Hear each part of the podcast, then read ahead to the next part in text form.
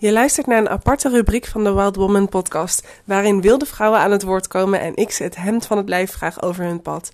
Vanaf het begin van hun wilde pad tot nu, over alle piekmomenten, belemmerende gedachten, reacties vanuit hun omgeving, groeispeurten en nog veel meer.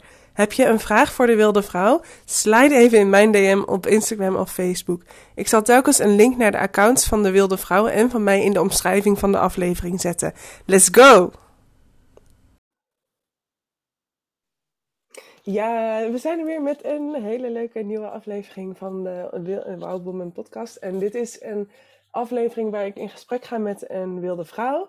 Dus Wild Women Talk. En dit keer is het Maartje. En Maartje is een, um, een. En zij begeleidt ook uh, mensen met die reis naar een triathlon. Dus super sportief en uh, super stoer ook. Um, ik ben heel benieuwd naar hoe zij hier um, heen is, haar reis naar die triathlon is gekomen. Dus laten we snel beginnen. Uh, Maartje, welkom. Hey, dankjewel. Leuk om hier te zijn. Ja, superleuk. Uh, dat je hier bent inderdaad en dat we dit uh, lekker gaan zo nu gaan opnemen. Um, mm -hmm. Ja, triathlons. Wanneer begon voor jou dat te kriebelen? Hoe, hoe is dat gegaan?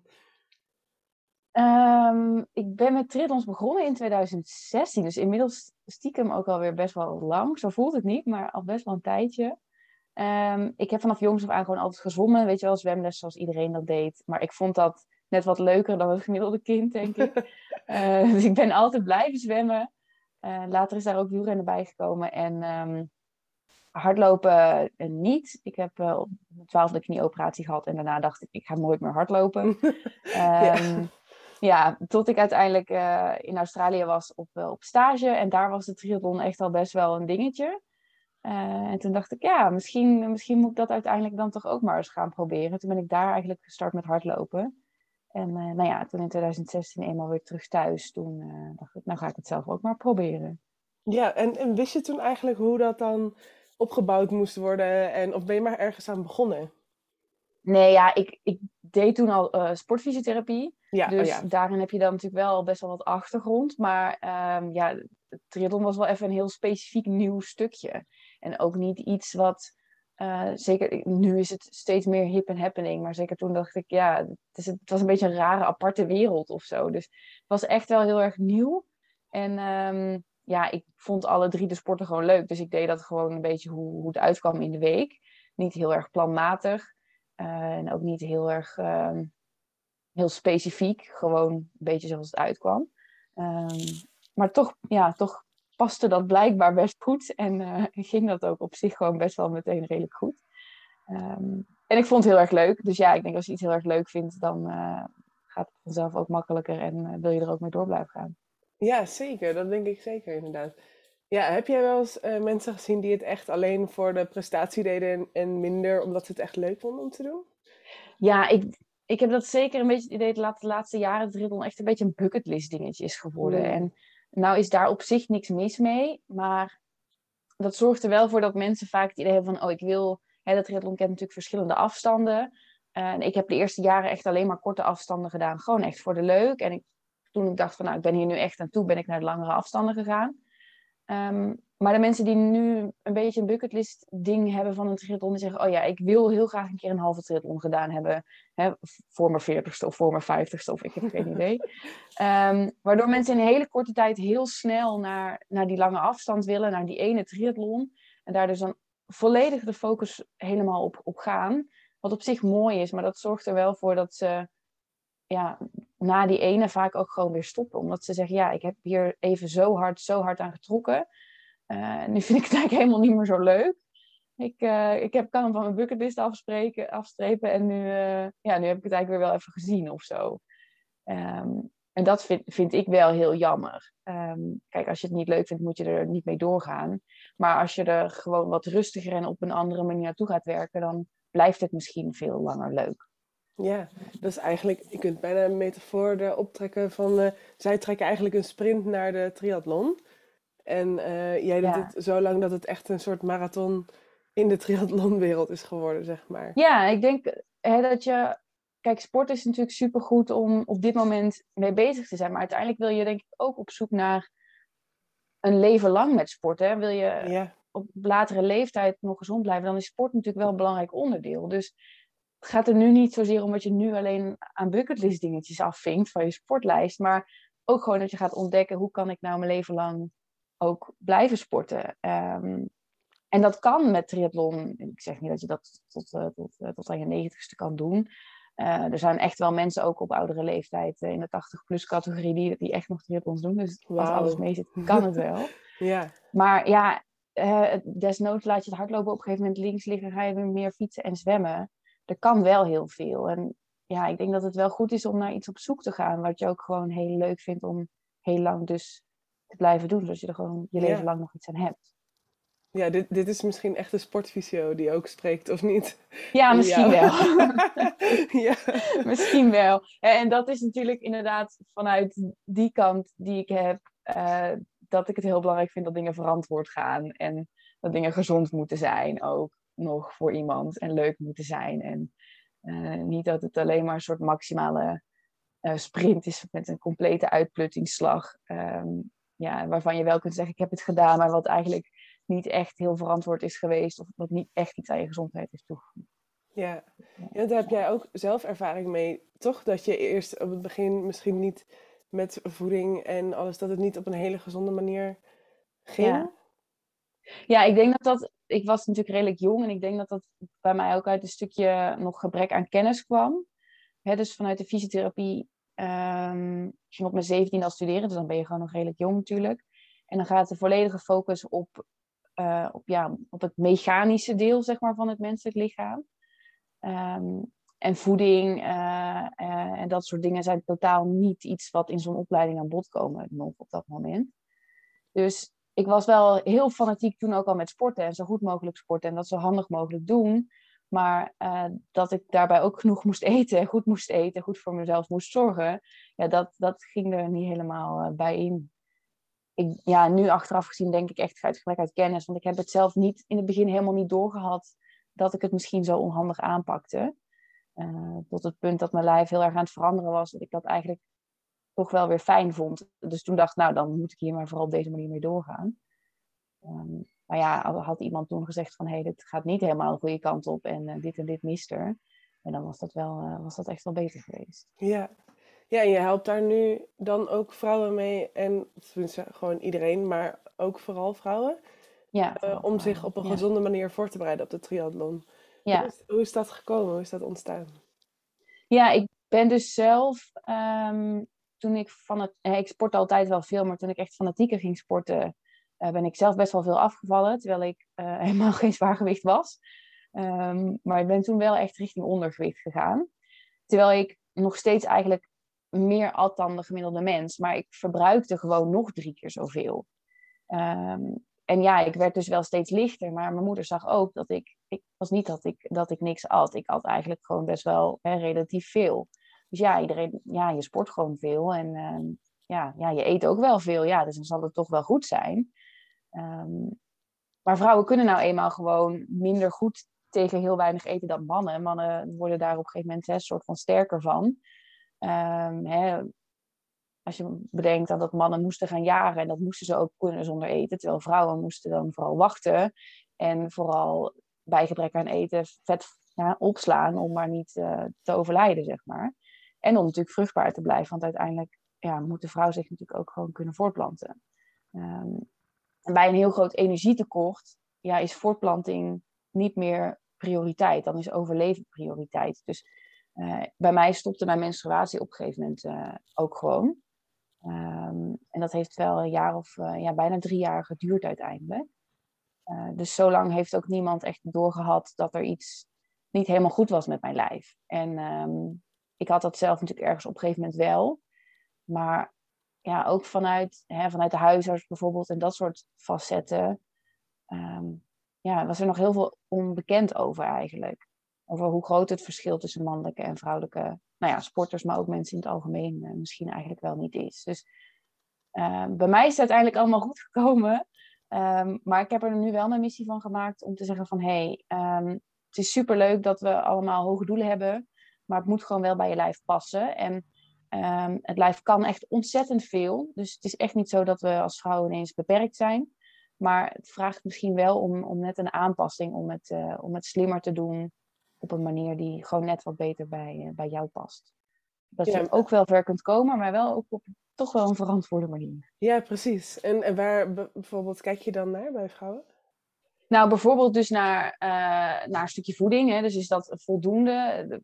Voor vrouwen hebben we nu inmiddels gelukkig wel steeds duidelijkere richtlijnen over hoeveel hè, calorieën een, een, sportieve vrouw minimaal moet eten. Dus we denken heel vaak in maximum aan, aan calorieën. Als we oh, calorieën tellen, mogen er niet maar meer dan een bepaalde hoeveelheid zijn. Maar wil je als vrouw gezond zijn en ervoor kunnen zorgen dat, dat je hele lichaam nog goed blijft functioneren, heb je eigenlijk een minimum hoeveelheid nodig.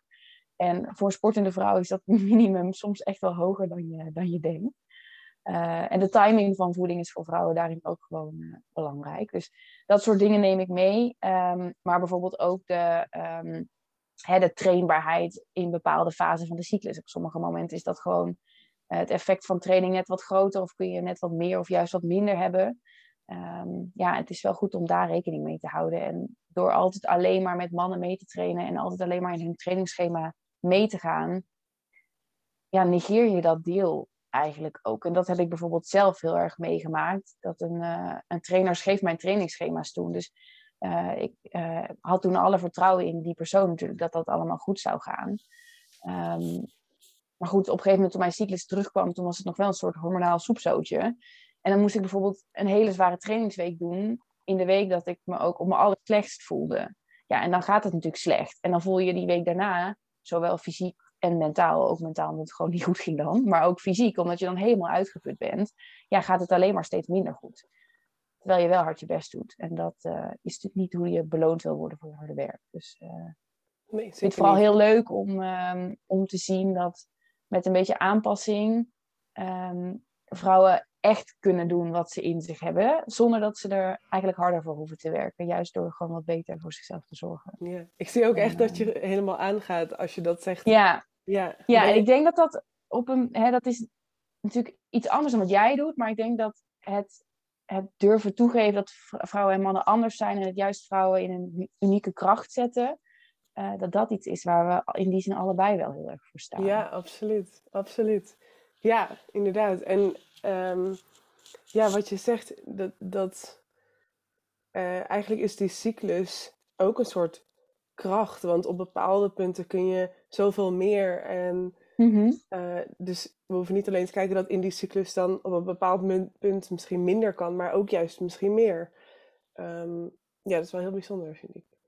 Ja, ja, ik zie het ook nooit als, als inderdaad uh, als iets slechts of als iets nee. vervelends of als een teken van zwakte of zo. Nee, je kan het juist misschien wel heel erg goed voor je laten werken. Als je er uh, ja, precies. Uh, op een gegeven moment van jezelf weet hoe, je, hoe die van jou werkt en wat je ermee kunt. Dus het hoeft zeker niet iets, iets slechts te zijn. Ja, dus je gaat echt ervan aan om dat, een beetje dat puzzeltje ook uit te zoeken wat voor iemand werkt misschien. Ja, ja, maar dat is denk ik het, het dat, dat puzzeltje is uh, vanuit, de, vanuit de fysiotherapie al hetgeen wat, oh, wat je het allerleukst vindt om te doen, zeg maar. Het op zoek gaan naar, naar waar iets vandaan komt.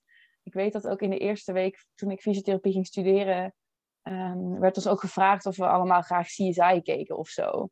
um, en ja, ik ben zo iemand die dat de hele dag zou kunnen kijken als het moet. Maar um, dat analytische op zoek gaan en denken en puzzelen, ja, dat, dat is iets wat, wat me wel heel erg gewoon goed past. Dus dat, komt, uh, ja, dat maakt het gewoon heel erg leuk. En dat komt hier ook wel weer heel erg in terug. Ja, super gaaf. En hoe ben je dan eigenlijk ja. van sportfysiotherapeut, want dat heb je wel als werk gedaan ook, ja. naar ja. Uh, nu helemaal voor jezelf en het begeleiden van vrouwen en nou, gewoon iedereen met, uh, naar een triathlon gegaan? ik denk dat het, dat is wel echt een proces geweest. Waarvan je al wel denkt van, oh, ik wil dat wel, maar het is ook nog heel ver van je bed of zo. Ja. um, ik heb mezelf nooit per se echt als, als ondernemer gezien. Maar ik weet wel toen ik fysiotherapie studeerde dat ik al wel dacht van, ja, maar als je fysiotherapeut bent, dan wil je toch gewoon een eigen praktijk. Want wat is er spannend aan om, om, om alleen maar gewoon te werken? Dan wil je toch je eigen praktijk. Had ik wel altijd heel sterk in mijn hoofd. Um, toen ben ik gewoon gaan studeren en dat was super leuk afgestudeerd. En dan uh, ga je deeltijd en master doen. Je gaat je altijd specificeren in deeltijd. En dat duurt dan drie jaar. En ondertussen ga je dan natuurlijk ook al werken. En ik had al wel vrij snel toen ik fulltime ging werken het idee van, oh, dit, dit werk vind ik op zich heel erg leuk. Uh, hè, en het mensen één op één begeleiden, dat vind ik ook nog steeds het allerleukste om te doen. Het menselijk lichaam vind ik leuk, maar de setting waarin dat vooral hè, nu ook hier in Nederland gebeurt, dat begon me al wel vrij snel tegen te staan. Dus je hebt natuurlijk gewoon behandelingen van 20, 25 minuten en dat gaat de hele dag door heel snel achter elkaar door. En er is eigenlijk heel weinig ruimte daarnaast um, nou ja, om eventueel nog extra aandacht of, of kwaliteit hè, aan een behandeling toe te voegen voor iemand. Um, en je wil mensen die die aandacht wel geven, maar dat betekent ook dat de volgende in de wachtkamer langer moet blijven zitten en dat die weer boos is als die binnen mag komen. Dus, dus de hele dag was dat een soort struggle van, oh, ik, ik, ik kan hier niet helemaal mijn ding in kwijt. Ik kan hier niet helemaal mijn weg in, in vinden. En uh, eind van de dag ben je dan ook gewoon compleet uitgeput, omdat je de hele dag overal achteraan blijft lopen. Uh, en nou ja, dan in je eigen tijd, in mijn geval, uh, ook gewoon nog dingen gaat, uit, gaat, gaat uitwerken voor patiënten. En dat is allemaal eigen tijd. En voor je het weet ben je gewoon ook stiekem heel veel uren aan het werken. Ehm, zonder dat het je eigenlijk iets oplevert. En ik ben ook wel iemand die het uh, niet moeilijk vindt om in een grotere organisatie alles eerst te moeten overleggen. Ehm, maar altijd de aanwezig te zijn op de tijd dat ik word verwacht. Alle regeltjes te volgen zoals die ergens zijn. Weet je, dat een beetje. Dus Lekker in het ook protocol. dat zat gewoon, ja, dat, het zat er allemaal een beetje in de weg of zo. Dus um, ja, dat was denk ik al in het eerste jaar dat ik was afgestudeerd. En dan ja, moet je nog twee jaar ook je specialisatie afmaken natuurlijk. Maar je bent toen ehm, wel gaan werken. Je hebt wel de, tenminste de keuze gemaakt. Ja. Of misschien de verwachting ja. vervuld dat je gewoon na je studie gaat werken. Ja, en ik ging natuurlijk de, de master ook doen. En um, ja, je, je bent wel... Ik ging de eerste, het eerste jaar van de master ook prima door. Het zijn geen goedkope masters. Dus je zou ook wel gek zijn om dan niet gewoon nog twee jaar door te bikkelen en je master af te maken natuurlijk. Dat ja. is wel een beetje hoe het werkt. En zolang je je master doet, moet je ook werken. Want je mag, uh, je mag de master ook alleen maar als je een baan hebt. Oh, zo, ja. Gewoon, ja, je moet de ervaring ook meteen op. Dat is gewoon een vereiste ja. als een opleiding. Dus ja, dan, dan ga je nog twee jaar dat doen. En dan, uh, dan kom je natuurlijk uiteindelijk wel bij de finish. Maar dan uh, nou ja, heb je er niet heel veel zin meer in, zeg maar. Dan dacht ik, nou, nu is de studie klaar. Dat scheelt natuurlijk wel weer stress. Dus nu hoef ik alleen nog te werken. Misschien wordt het dan beter. Um, ja, dat heb ik dan dus uiteindelijk nog een kleine anderhalf jaar volgehouden, denk ik. En dan, ja, op een gegeven moment is het gewoon echt aftellen van vakantie naar vakantie. Ja. Um, van dit naar dat. Uh, alles stond me tegen.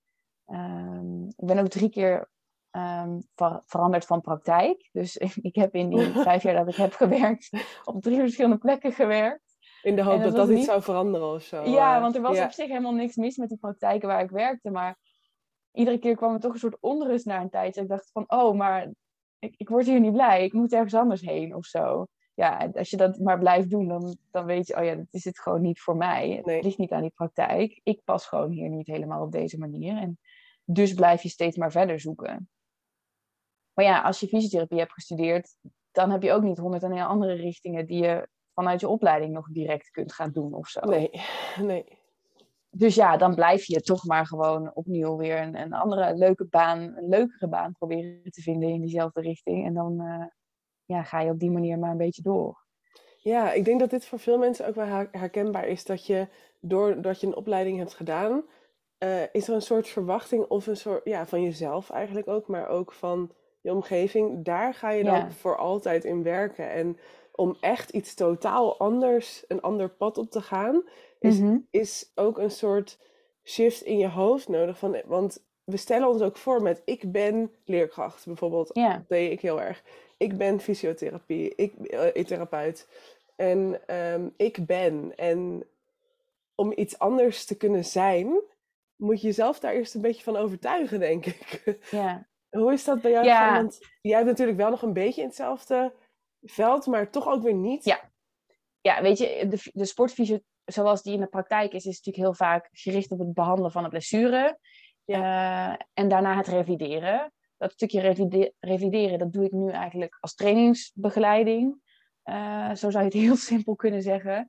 En het blessure behandelen doe ik niet, maar ik ben natuurlijk wel altijd preventief bezig met blessures voorkomen. Dus Eh, dat stukje past er nog wel in. Eh, en ik ben natuurlijk ook nog steeds bezig met gezondheid. Alleen veel breder dan dat het Ja. eerst was. Ehm, maar goed, ja, weet je, je een driejarige master hebt gedaan, eh, die dus een deeltijd is, die je dus, dus ook gewoon eh, serieus moet bekostigen. Want het is niet een master die aan je bachelor hoort als je op de universiteit zit. Nee, het is echt Nee. een deeltijd master. Ehm, ja, iedereen die, die zegt je bent gek als je daar niks mee doet, dat is toch eeuwig zonde. Hè, het is eeuwig zonde, letterlijk omdat je er tijd, bloed, zweet en tranen en geld in hebt zitten.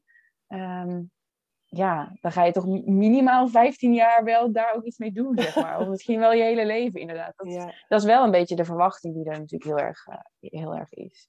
Ja, Ehm, en ook wel eentje die ik zelf moeilijk vond om los te laten. Want hoe langer je eenmaal echt niet meer... hè, ik, ik ben nog steeds wel ingeschreven als fysiotherapeut.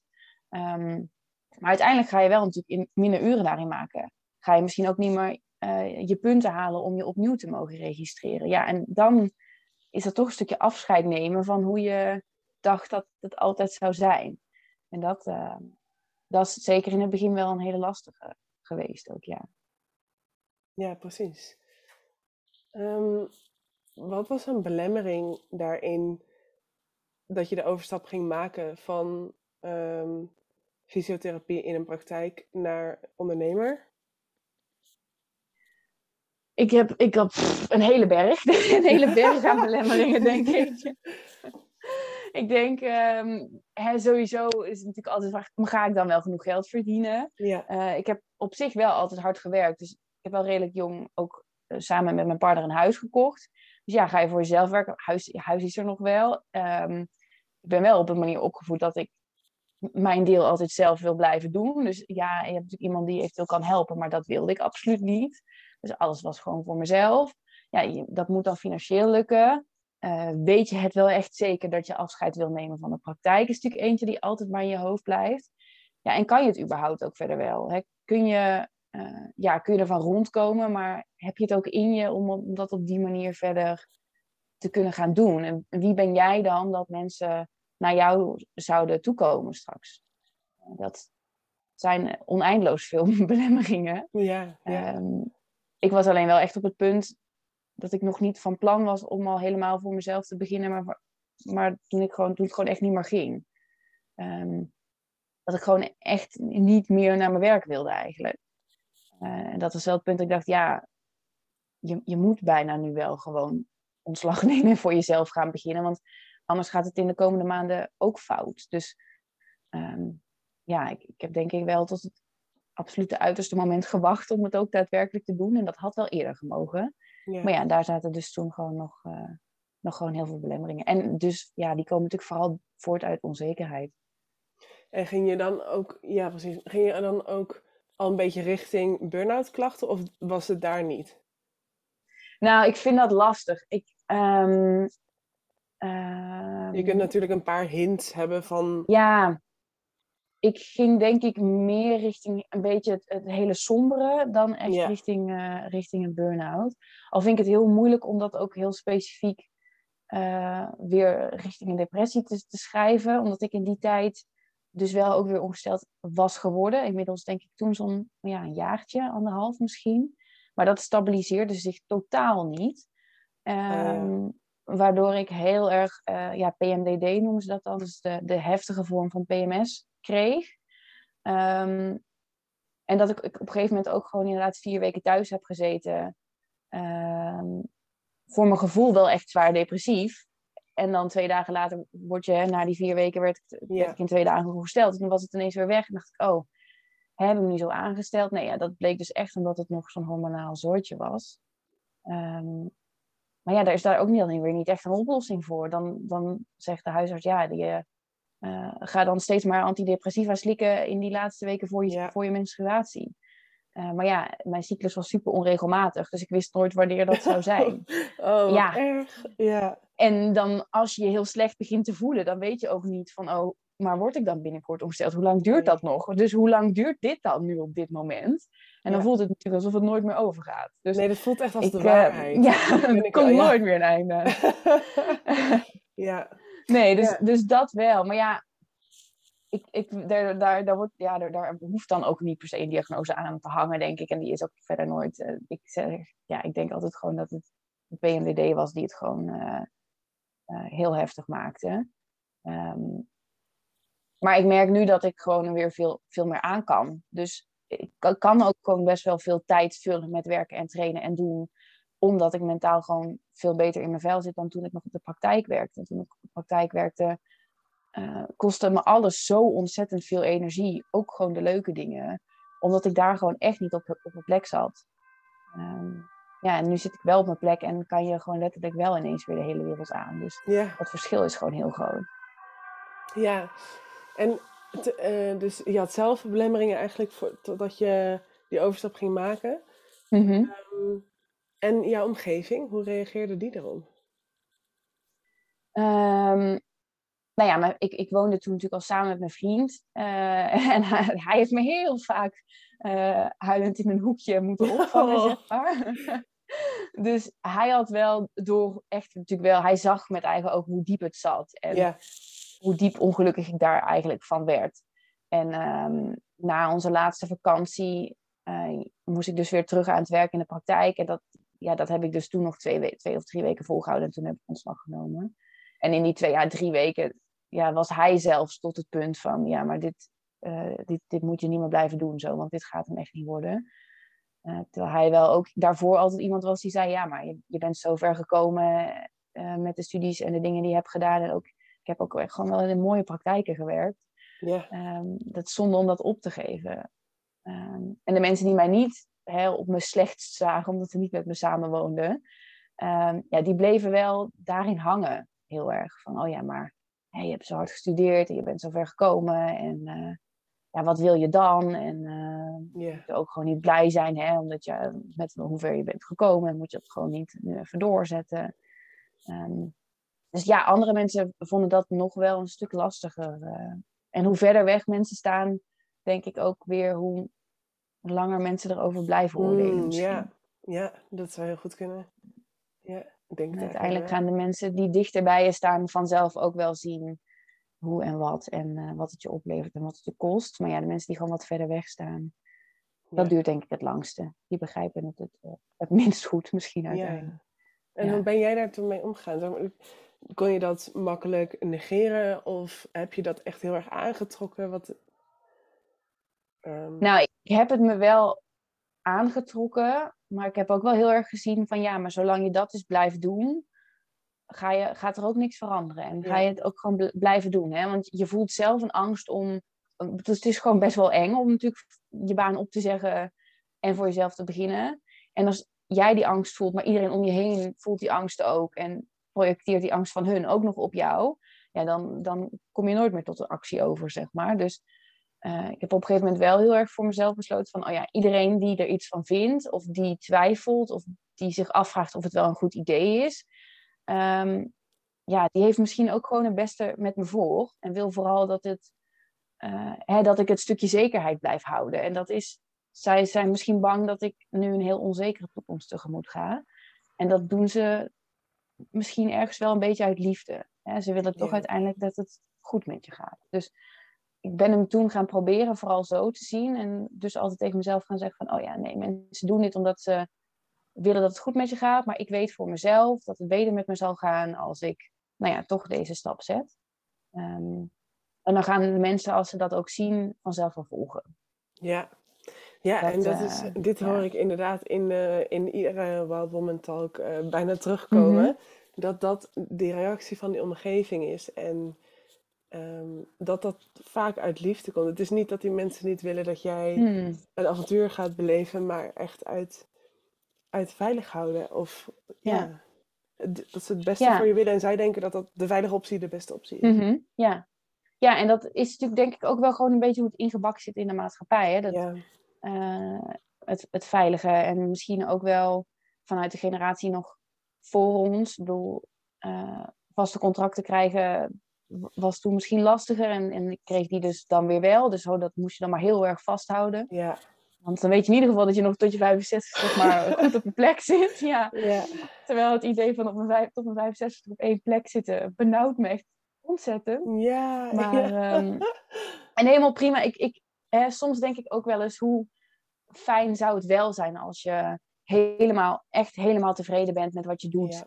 En ook gewoon helemaal er oké mee bent om dat nog 40 jaar of 50 jaar te blijven doen. En daar gewoon heel gelukkig van wordt.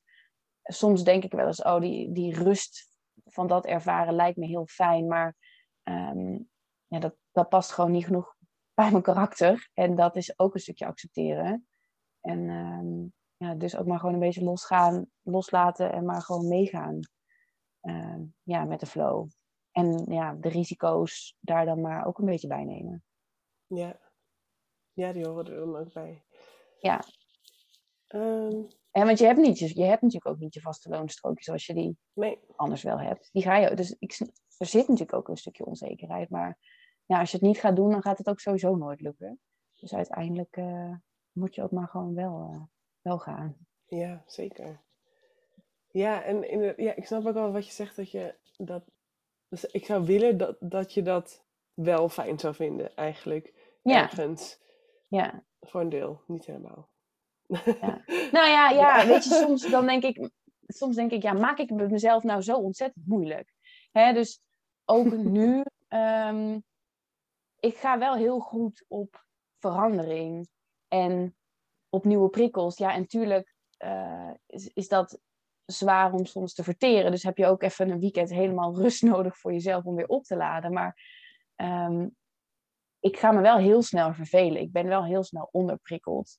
En ik ga dus wel heel goed op variatie en op vernieuwing. En, en ehm, dat maakt me wel uiteindelijk heel erg blij. En dat ja, is wel iets waarvan ik denk, ja, het zou ook wel relaxed zijn als je dat gewoon niet hebt, toch? En als je gewoon heel tevreden bent met alles hoe het altijd is. Eh, maar ja, dat, dat past gewoon niet. eh, Dat past gewoon niet helemaal. Nee. Ben je nu wel tevreden met hoe alles nu is? Ja, ik, eh, ik zit op dit moment wel echt mega goed in mijn vel. Eh, ik voel me heel goed. Maar ehm, ik ben wel heel erg nou ja, bang. Ik ben wel heel erg bang dat dingen een sleur gaan worden.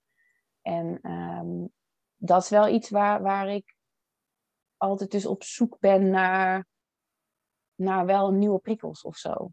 Al is het maar een tijdje werken vanuit een andere omgeving, met andere mensen om je heen. Ja. Of eh, überhaupt nieuwe mensen leren kennen die en misschien juist ook een ander vakgebied hebben, die weer iets nieuws met zich meebrengen of iets nieuws te leren eh, voor je hebben. Ehm, ja, dat, dat, dat blijf ik wel zoeken, maar ik ben er wel tevreden mee met hoe dat op, deze, op dit moment dan wel allemaal in elkaar past. Ehm, ja, dus ik ben, ben op dit moment wel heel erg tevreden. Ja, fijn. En het fijne is denk ik ook als je ehm, ondernemer bent, dat je als het niet meer fijn voelt, dat jij dan aan de knoppen kunt draaien met, om het Ja. te veranderen. Ja, dat, dat vind ik ook wel een hele fijne. En ik ben ehm, nu dus ook wel bijvoorbeeld hè, eind van het jaar ga ik eh, wel weer even een goede maand eh, mijn laptop pakken en vanuit een andere plek werken bijvoorbeeld.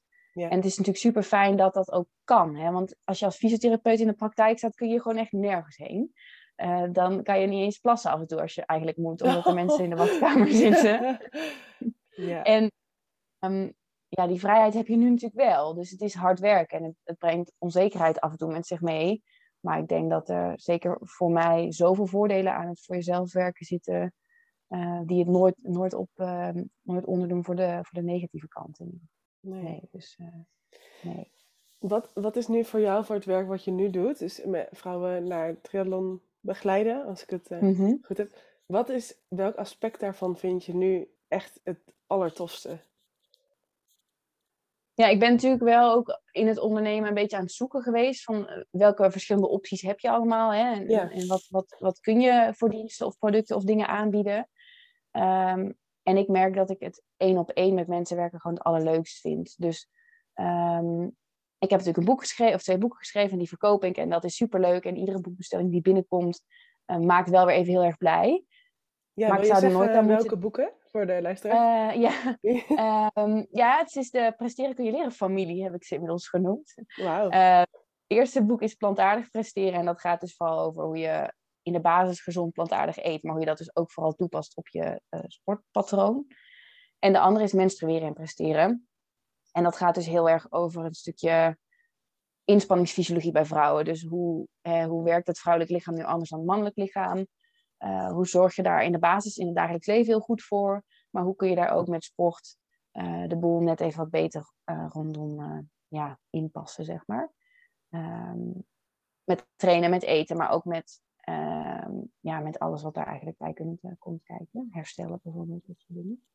Um, dus dat, ja, dat zijn mijn twee boeken. Gaaf. En dat proces van dat schrijven is dus iets waar, wat, ja, wat ik echt super leuk vind. En het nu ze mogen opsturen is ook nog steeds heel leuk. Maar ja, ik zou er dus bijvoorbeeld niet aan moeten denken dat ik alleen maar zoiets zou doen. Nee. Um, en alleen maar groepstrajecten bijvoorbeeld, zou ik ook niet, niet leuk vinden. Ik, ik vind het één op één mensen uh, helpen nog steeds wel het allerleukst.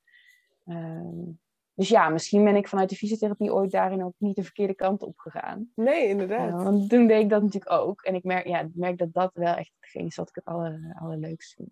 Ja, maar dan op ehm. jouw, uh, jouw voorwaarden en dat je... Maar wel op mijn voorwaarden. ja, ja, ja, ja. En ook dat het niet... Um, ik denk dat driekwart van mijn afspraken ook wel gewoon online zijn nu. En um, het hoeft niet meer alleen allemaal fysiek. Het is vaak wel heel fijn om iemand één of twee keer in ieder geval in het begin te zien, zodat je een beetje ook een gevoel bij elkaar hebt. Maar ik merk dat online mensen het ook gewoon wel fijn vinden om gewoon vanuit hun eigen veilige omgeving hun verhaal te doen. En dat dat soms gewoon ook wel iets makkelijker voelt en iets minder zakelijk bijna dan dat je zegt van, oh ja, ik ga naar jou toe en ik kom dan in jouw kantoor en dan gaan we daar zitten. Uh, gewoon aan je eigen keukentafel uh, vinden mensen eigenlijk ook best wel fijn. Dus um, ja, het is wel goed denk ik om te zien dat er eigenlijk wel veel meer mogelijk is dan je misschien ook van tevoren denkt. Yeah. Want ik dacht, ik moet altijd alleen maar alles fysiek doen, maar dat hoeft helemaal niet. Dus yeah. um, ja, daarin uh, vooral niet te veel in belemmeringen denken, maar in mogelijkheden en uh, oplossingen zoeken is wel, uh, wel een belangrijke. Ja, ja, zeker. Ja.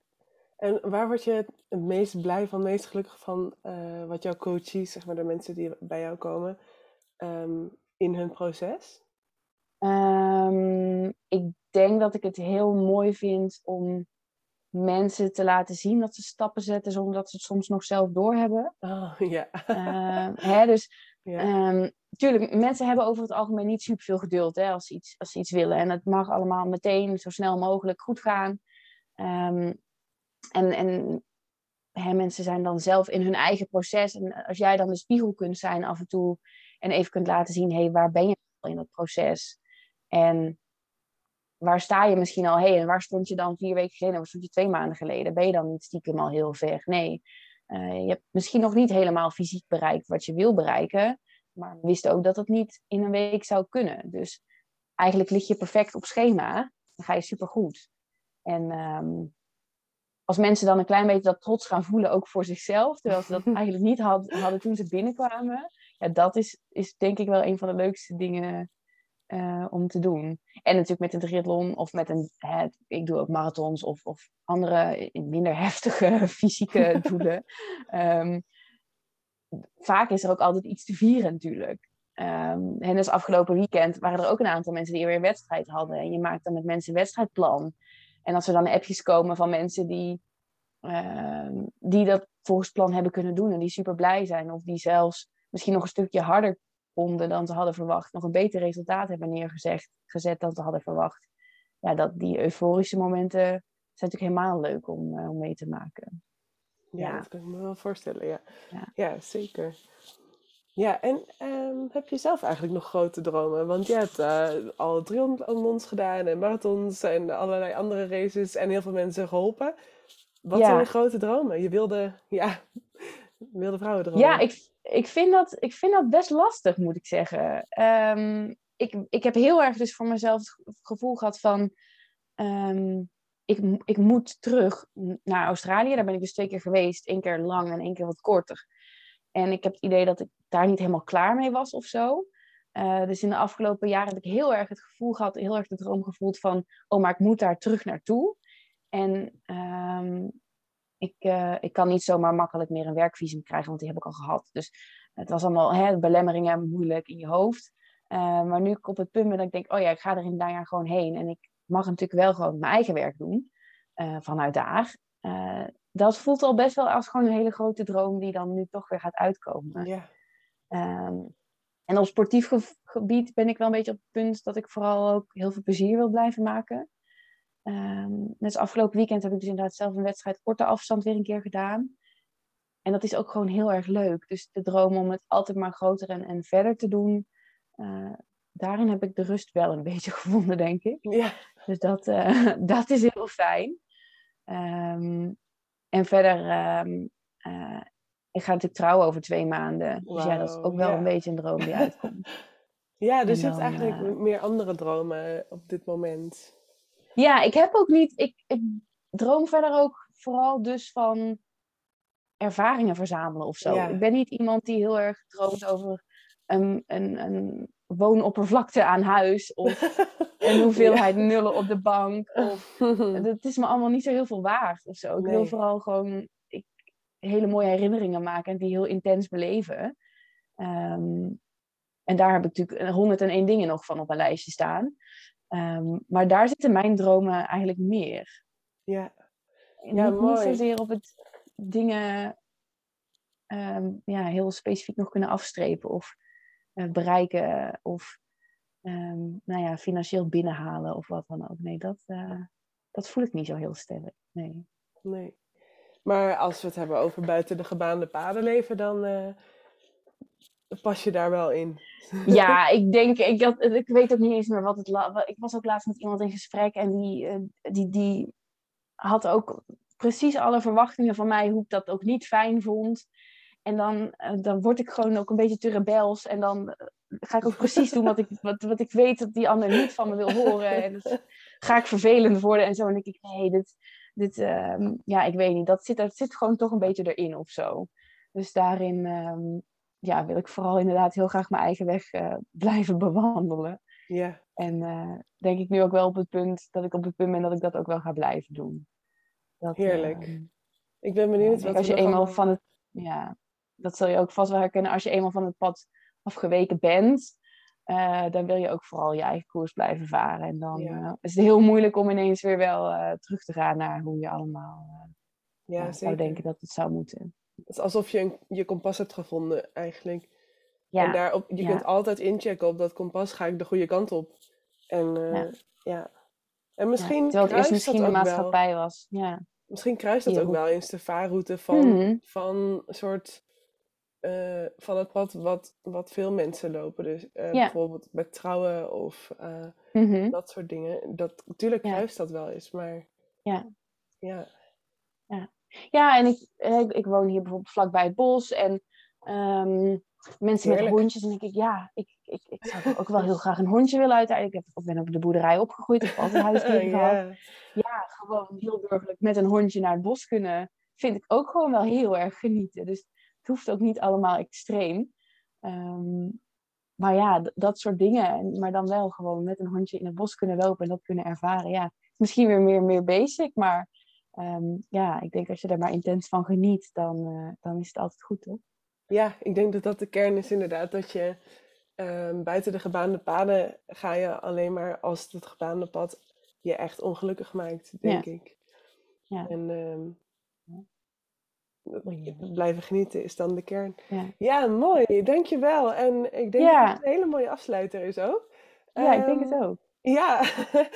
um, even voor de luisteraar. Ik zet altijd in de omschrijving even de socials van mij, maar ook van mhm. Maartje. Mm -hmm. uh, zodat je uh, even kan kijken. En uh, super toffe reel van een wedstrijd afgelopen weekend. Dus kijk die zeker even. En als je sportieve doelen hebt, dan weet je bij wie je moet zijn. Ja. Um, ja, uh, ik ga hem afsluiten. Ja, uh, superleuk. Dankjewel. Het, ja, dankjewel voor het luisteren. Dankjewel Maartje dat je mm -hmm. was. En uh, volgens mij kun je op Spotify tegenwoordig een beoordeling achterlaten. En ik zou het heel leuk vinden als je, als je dat doet.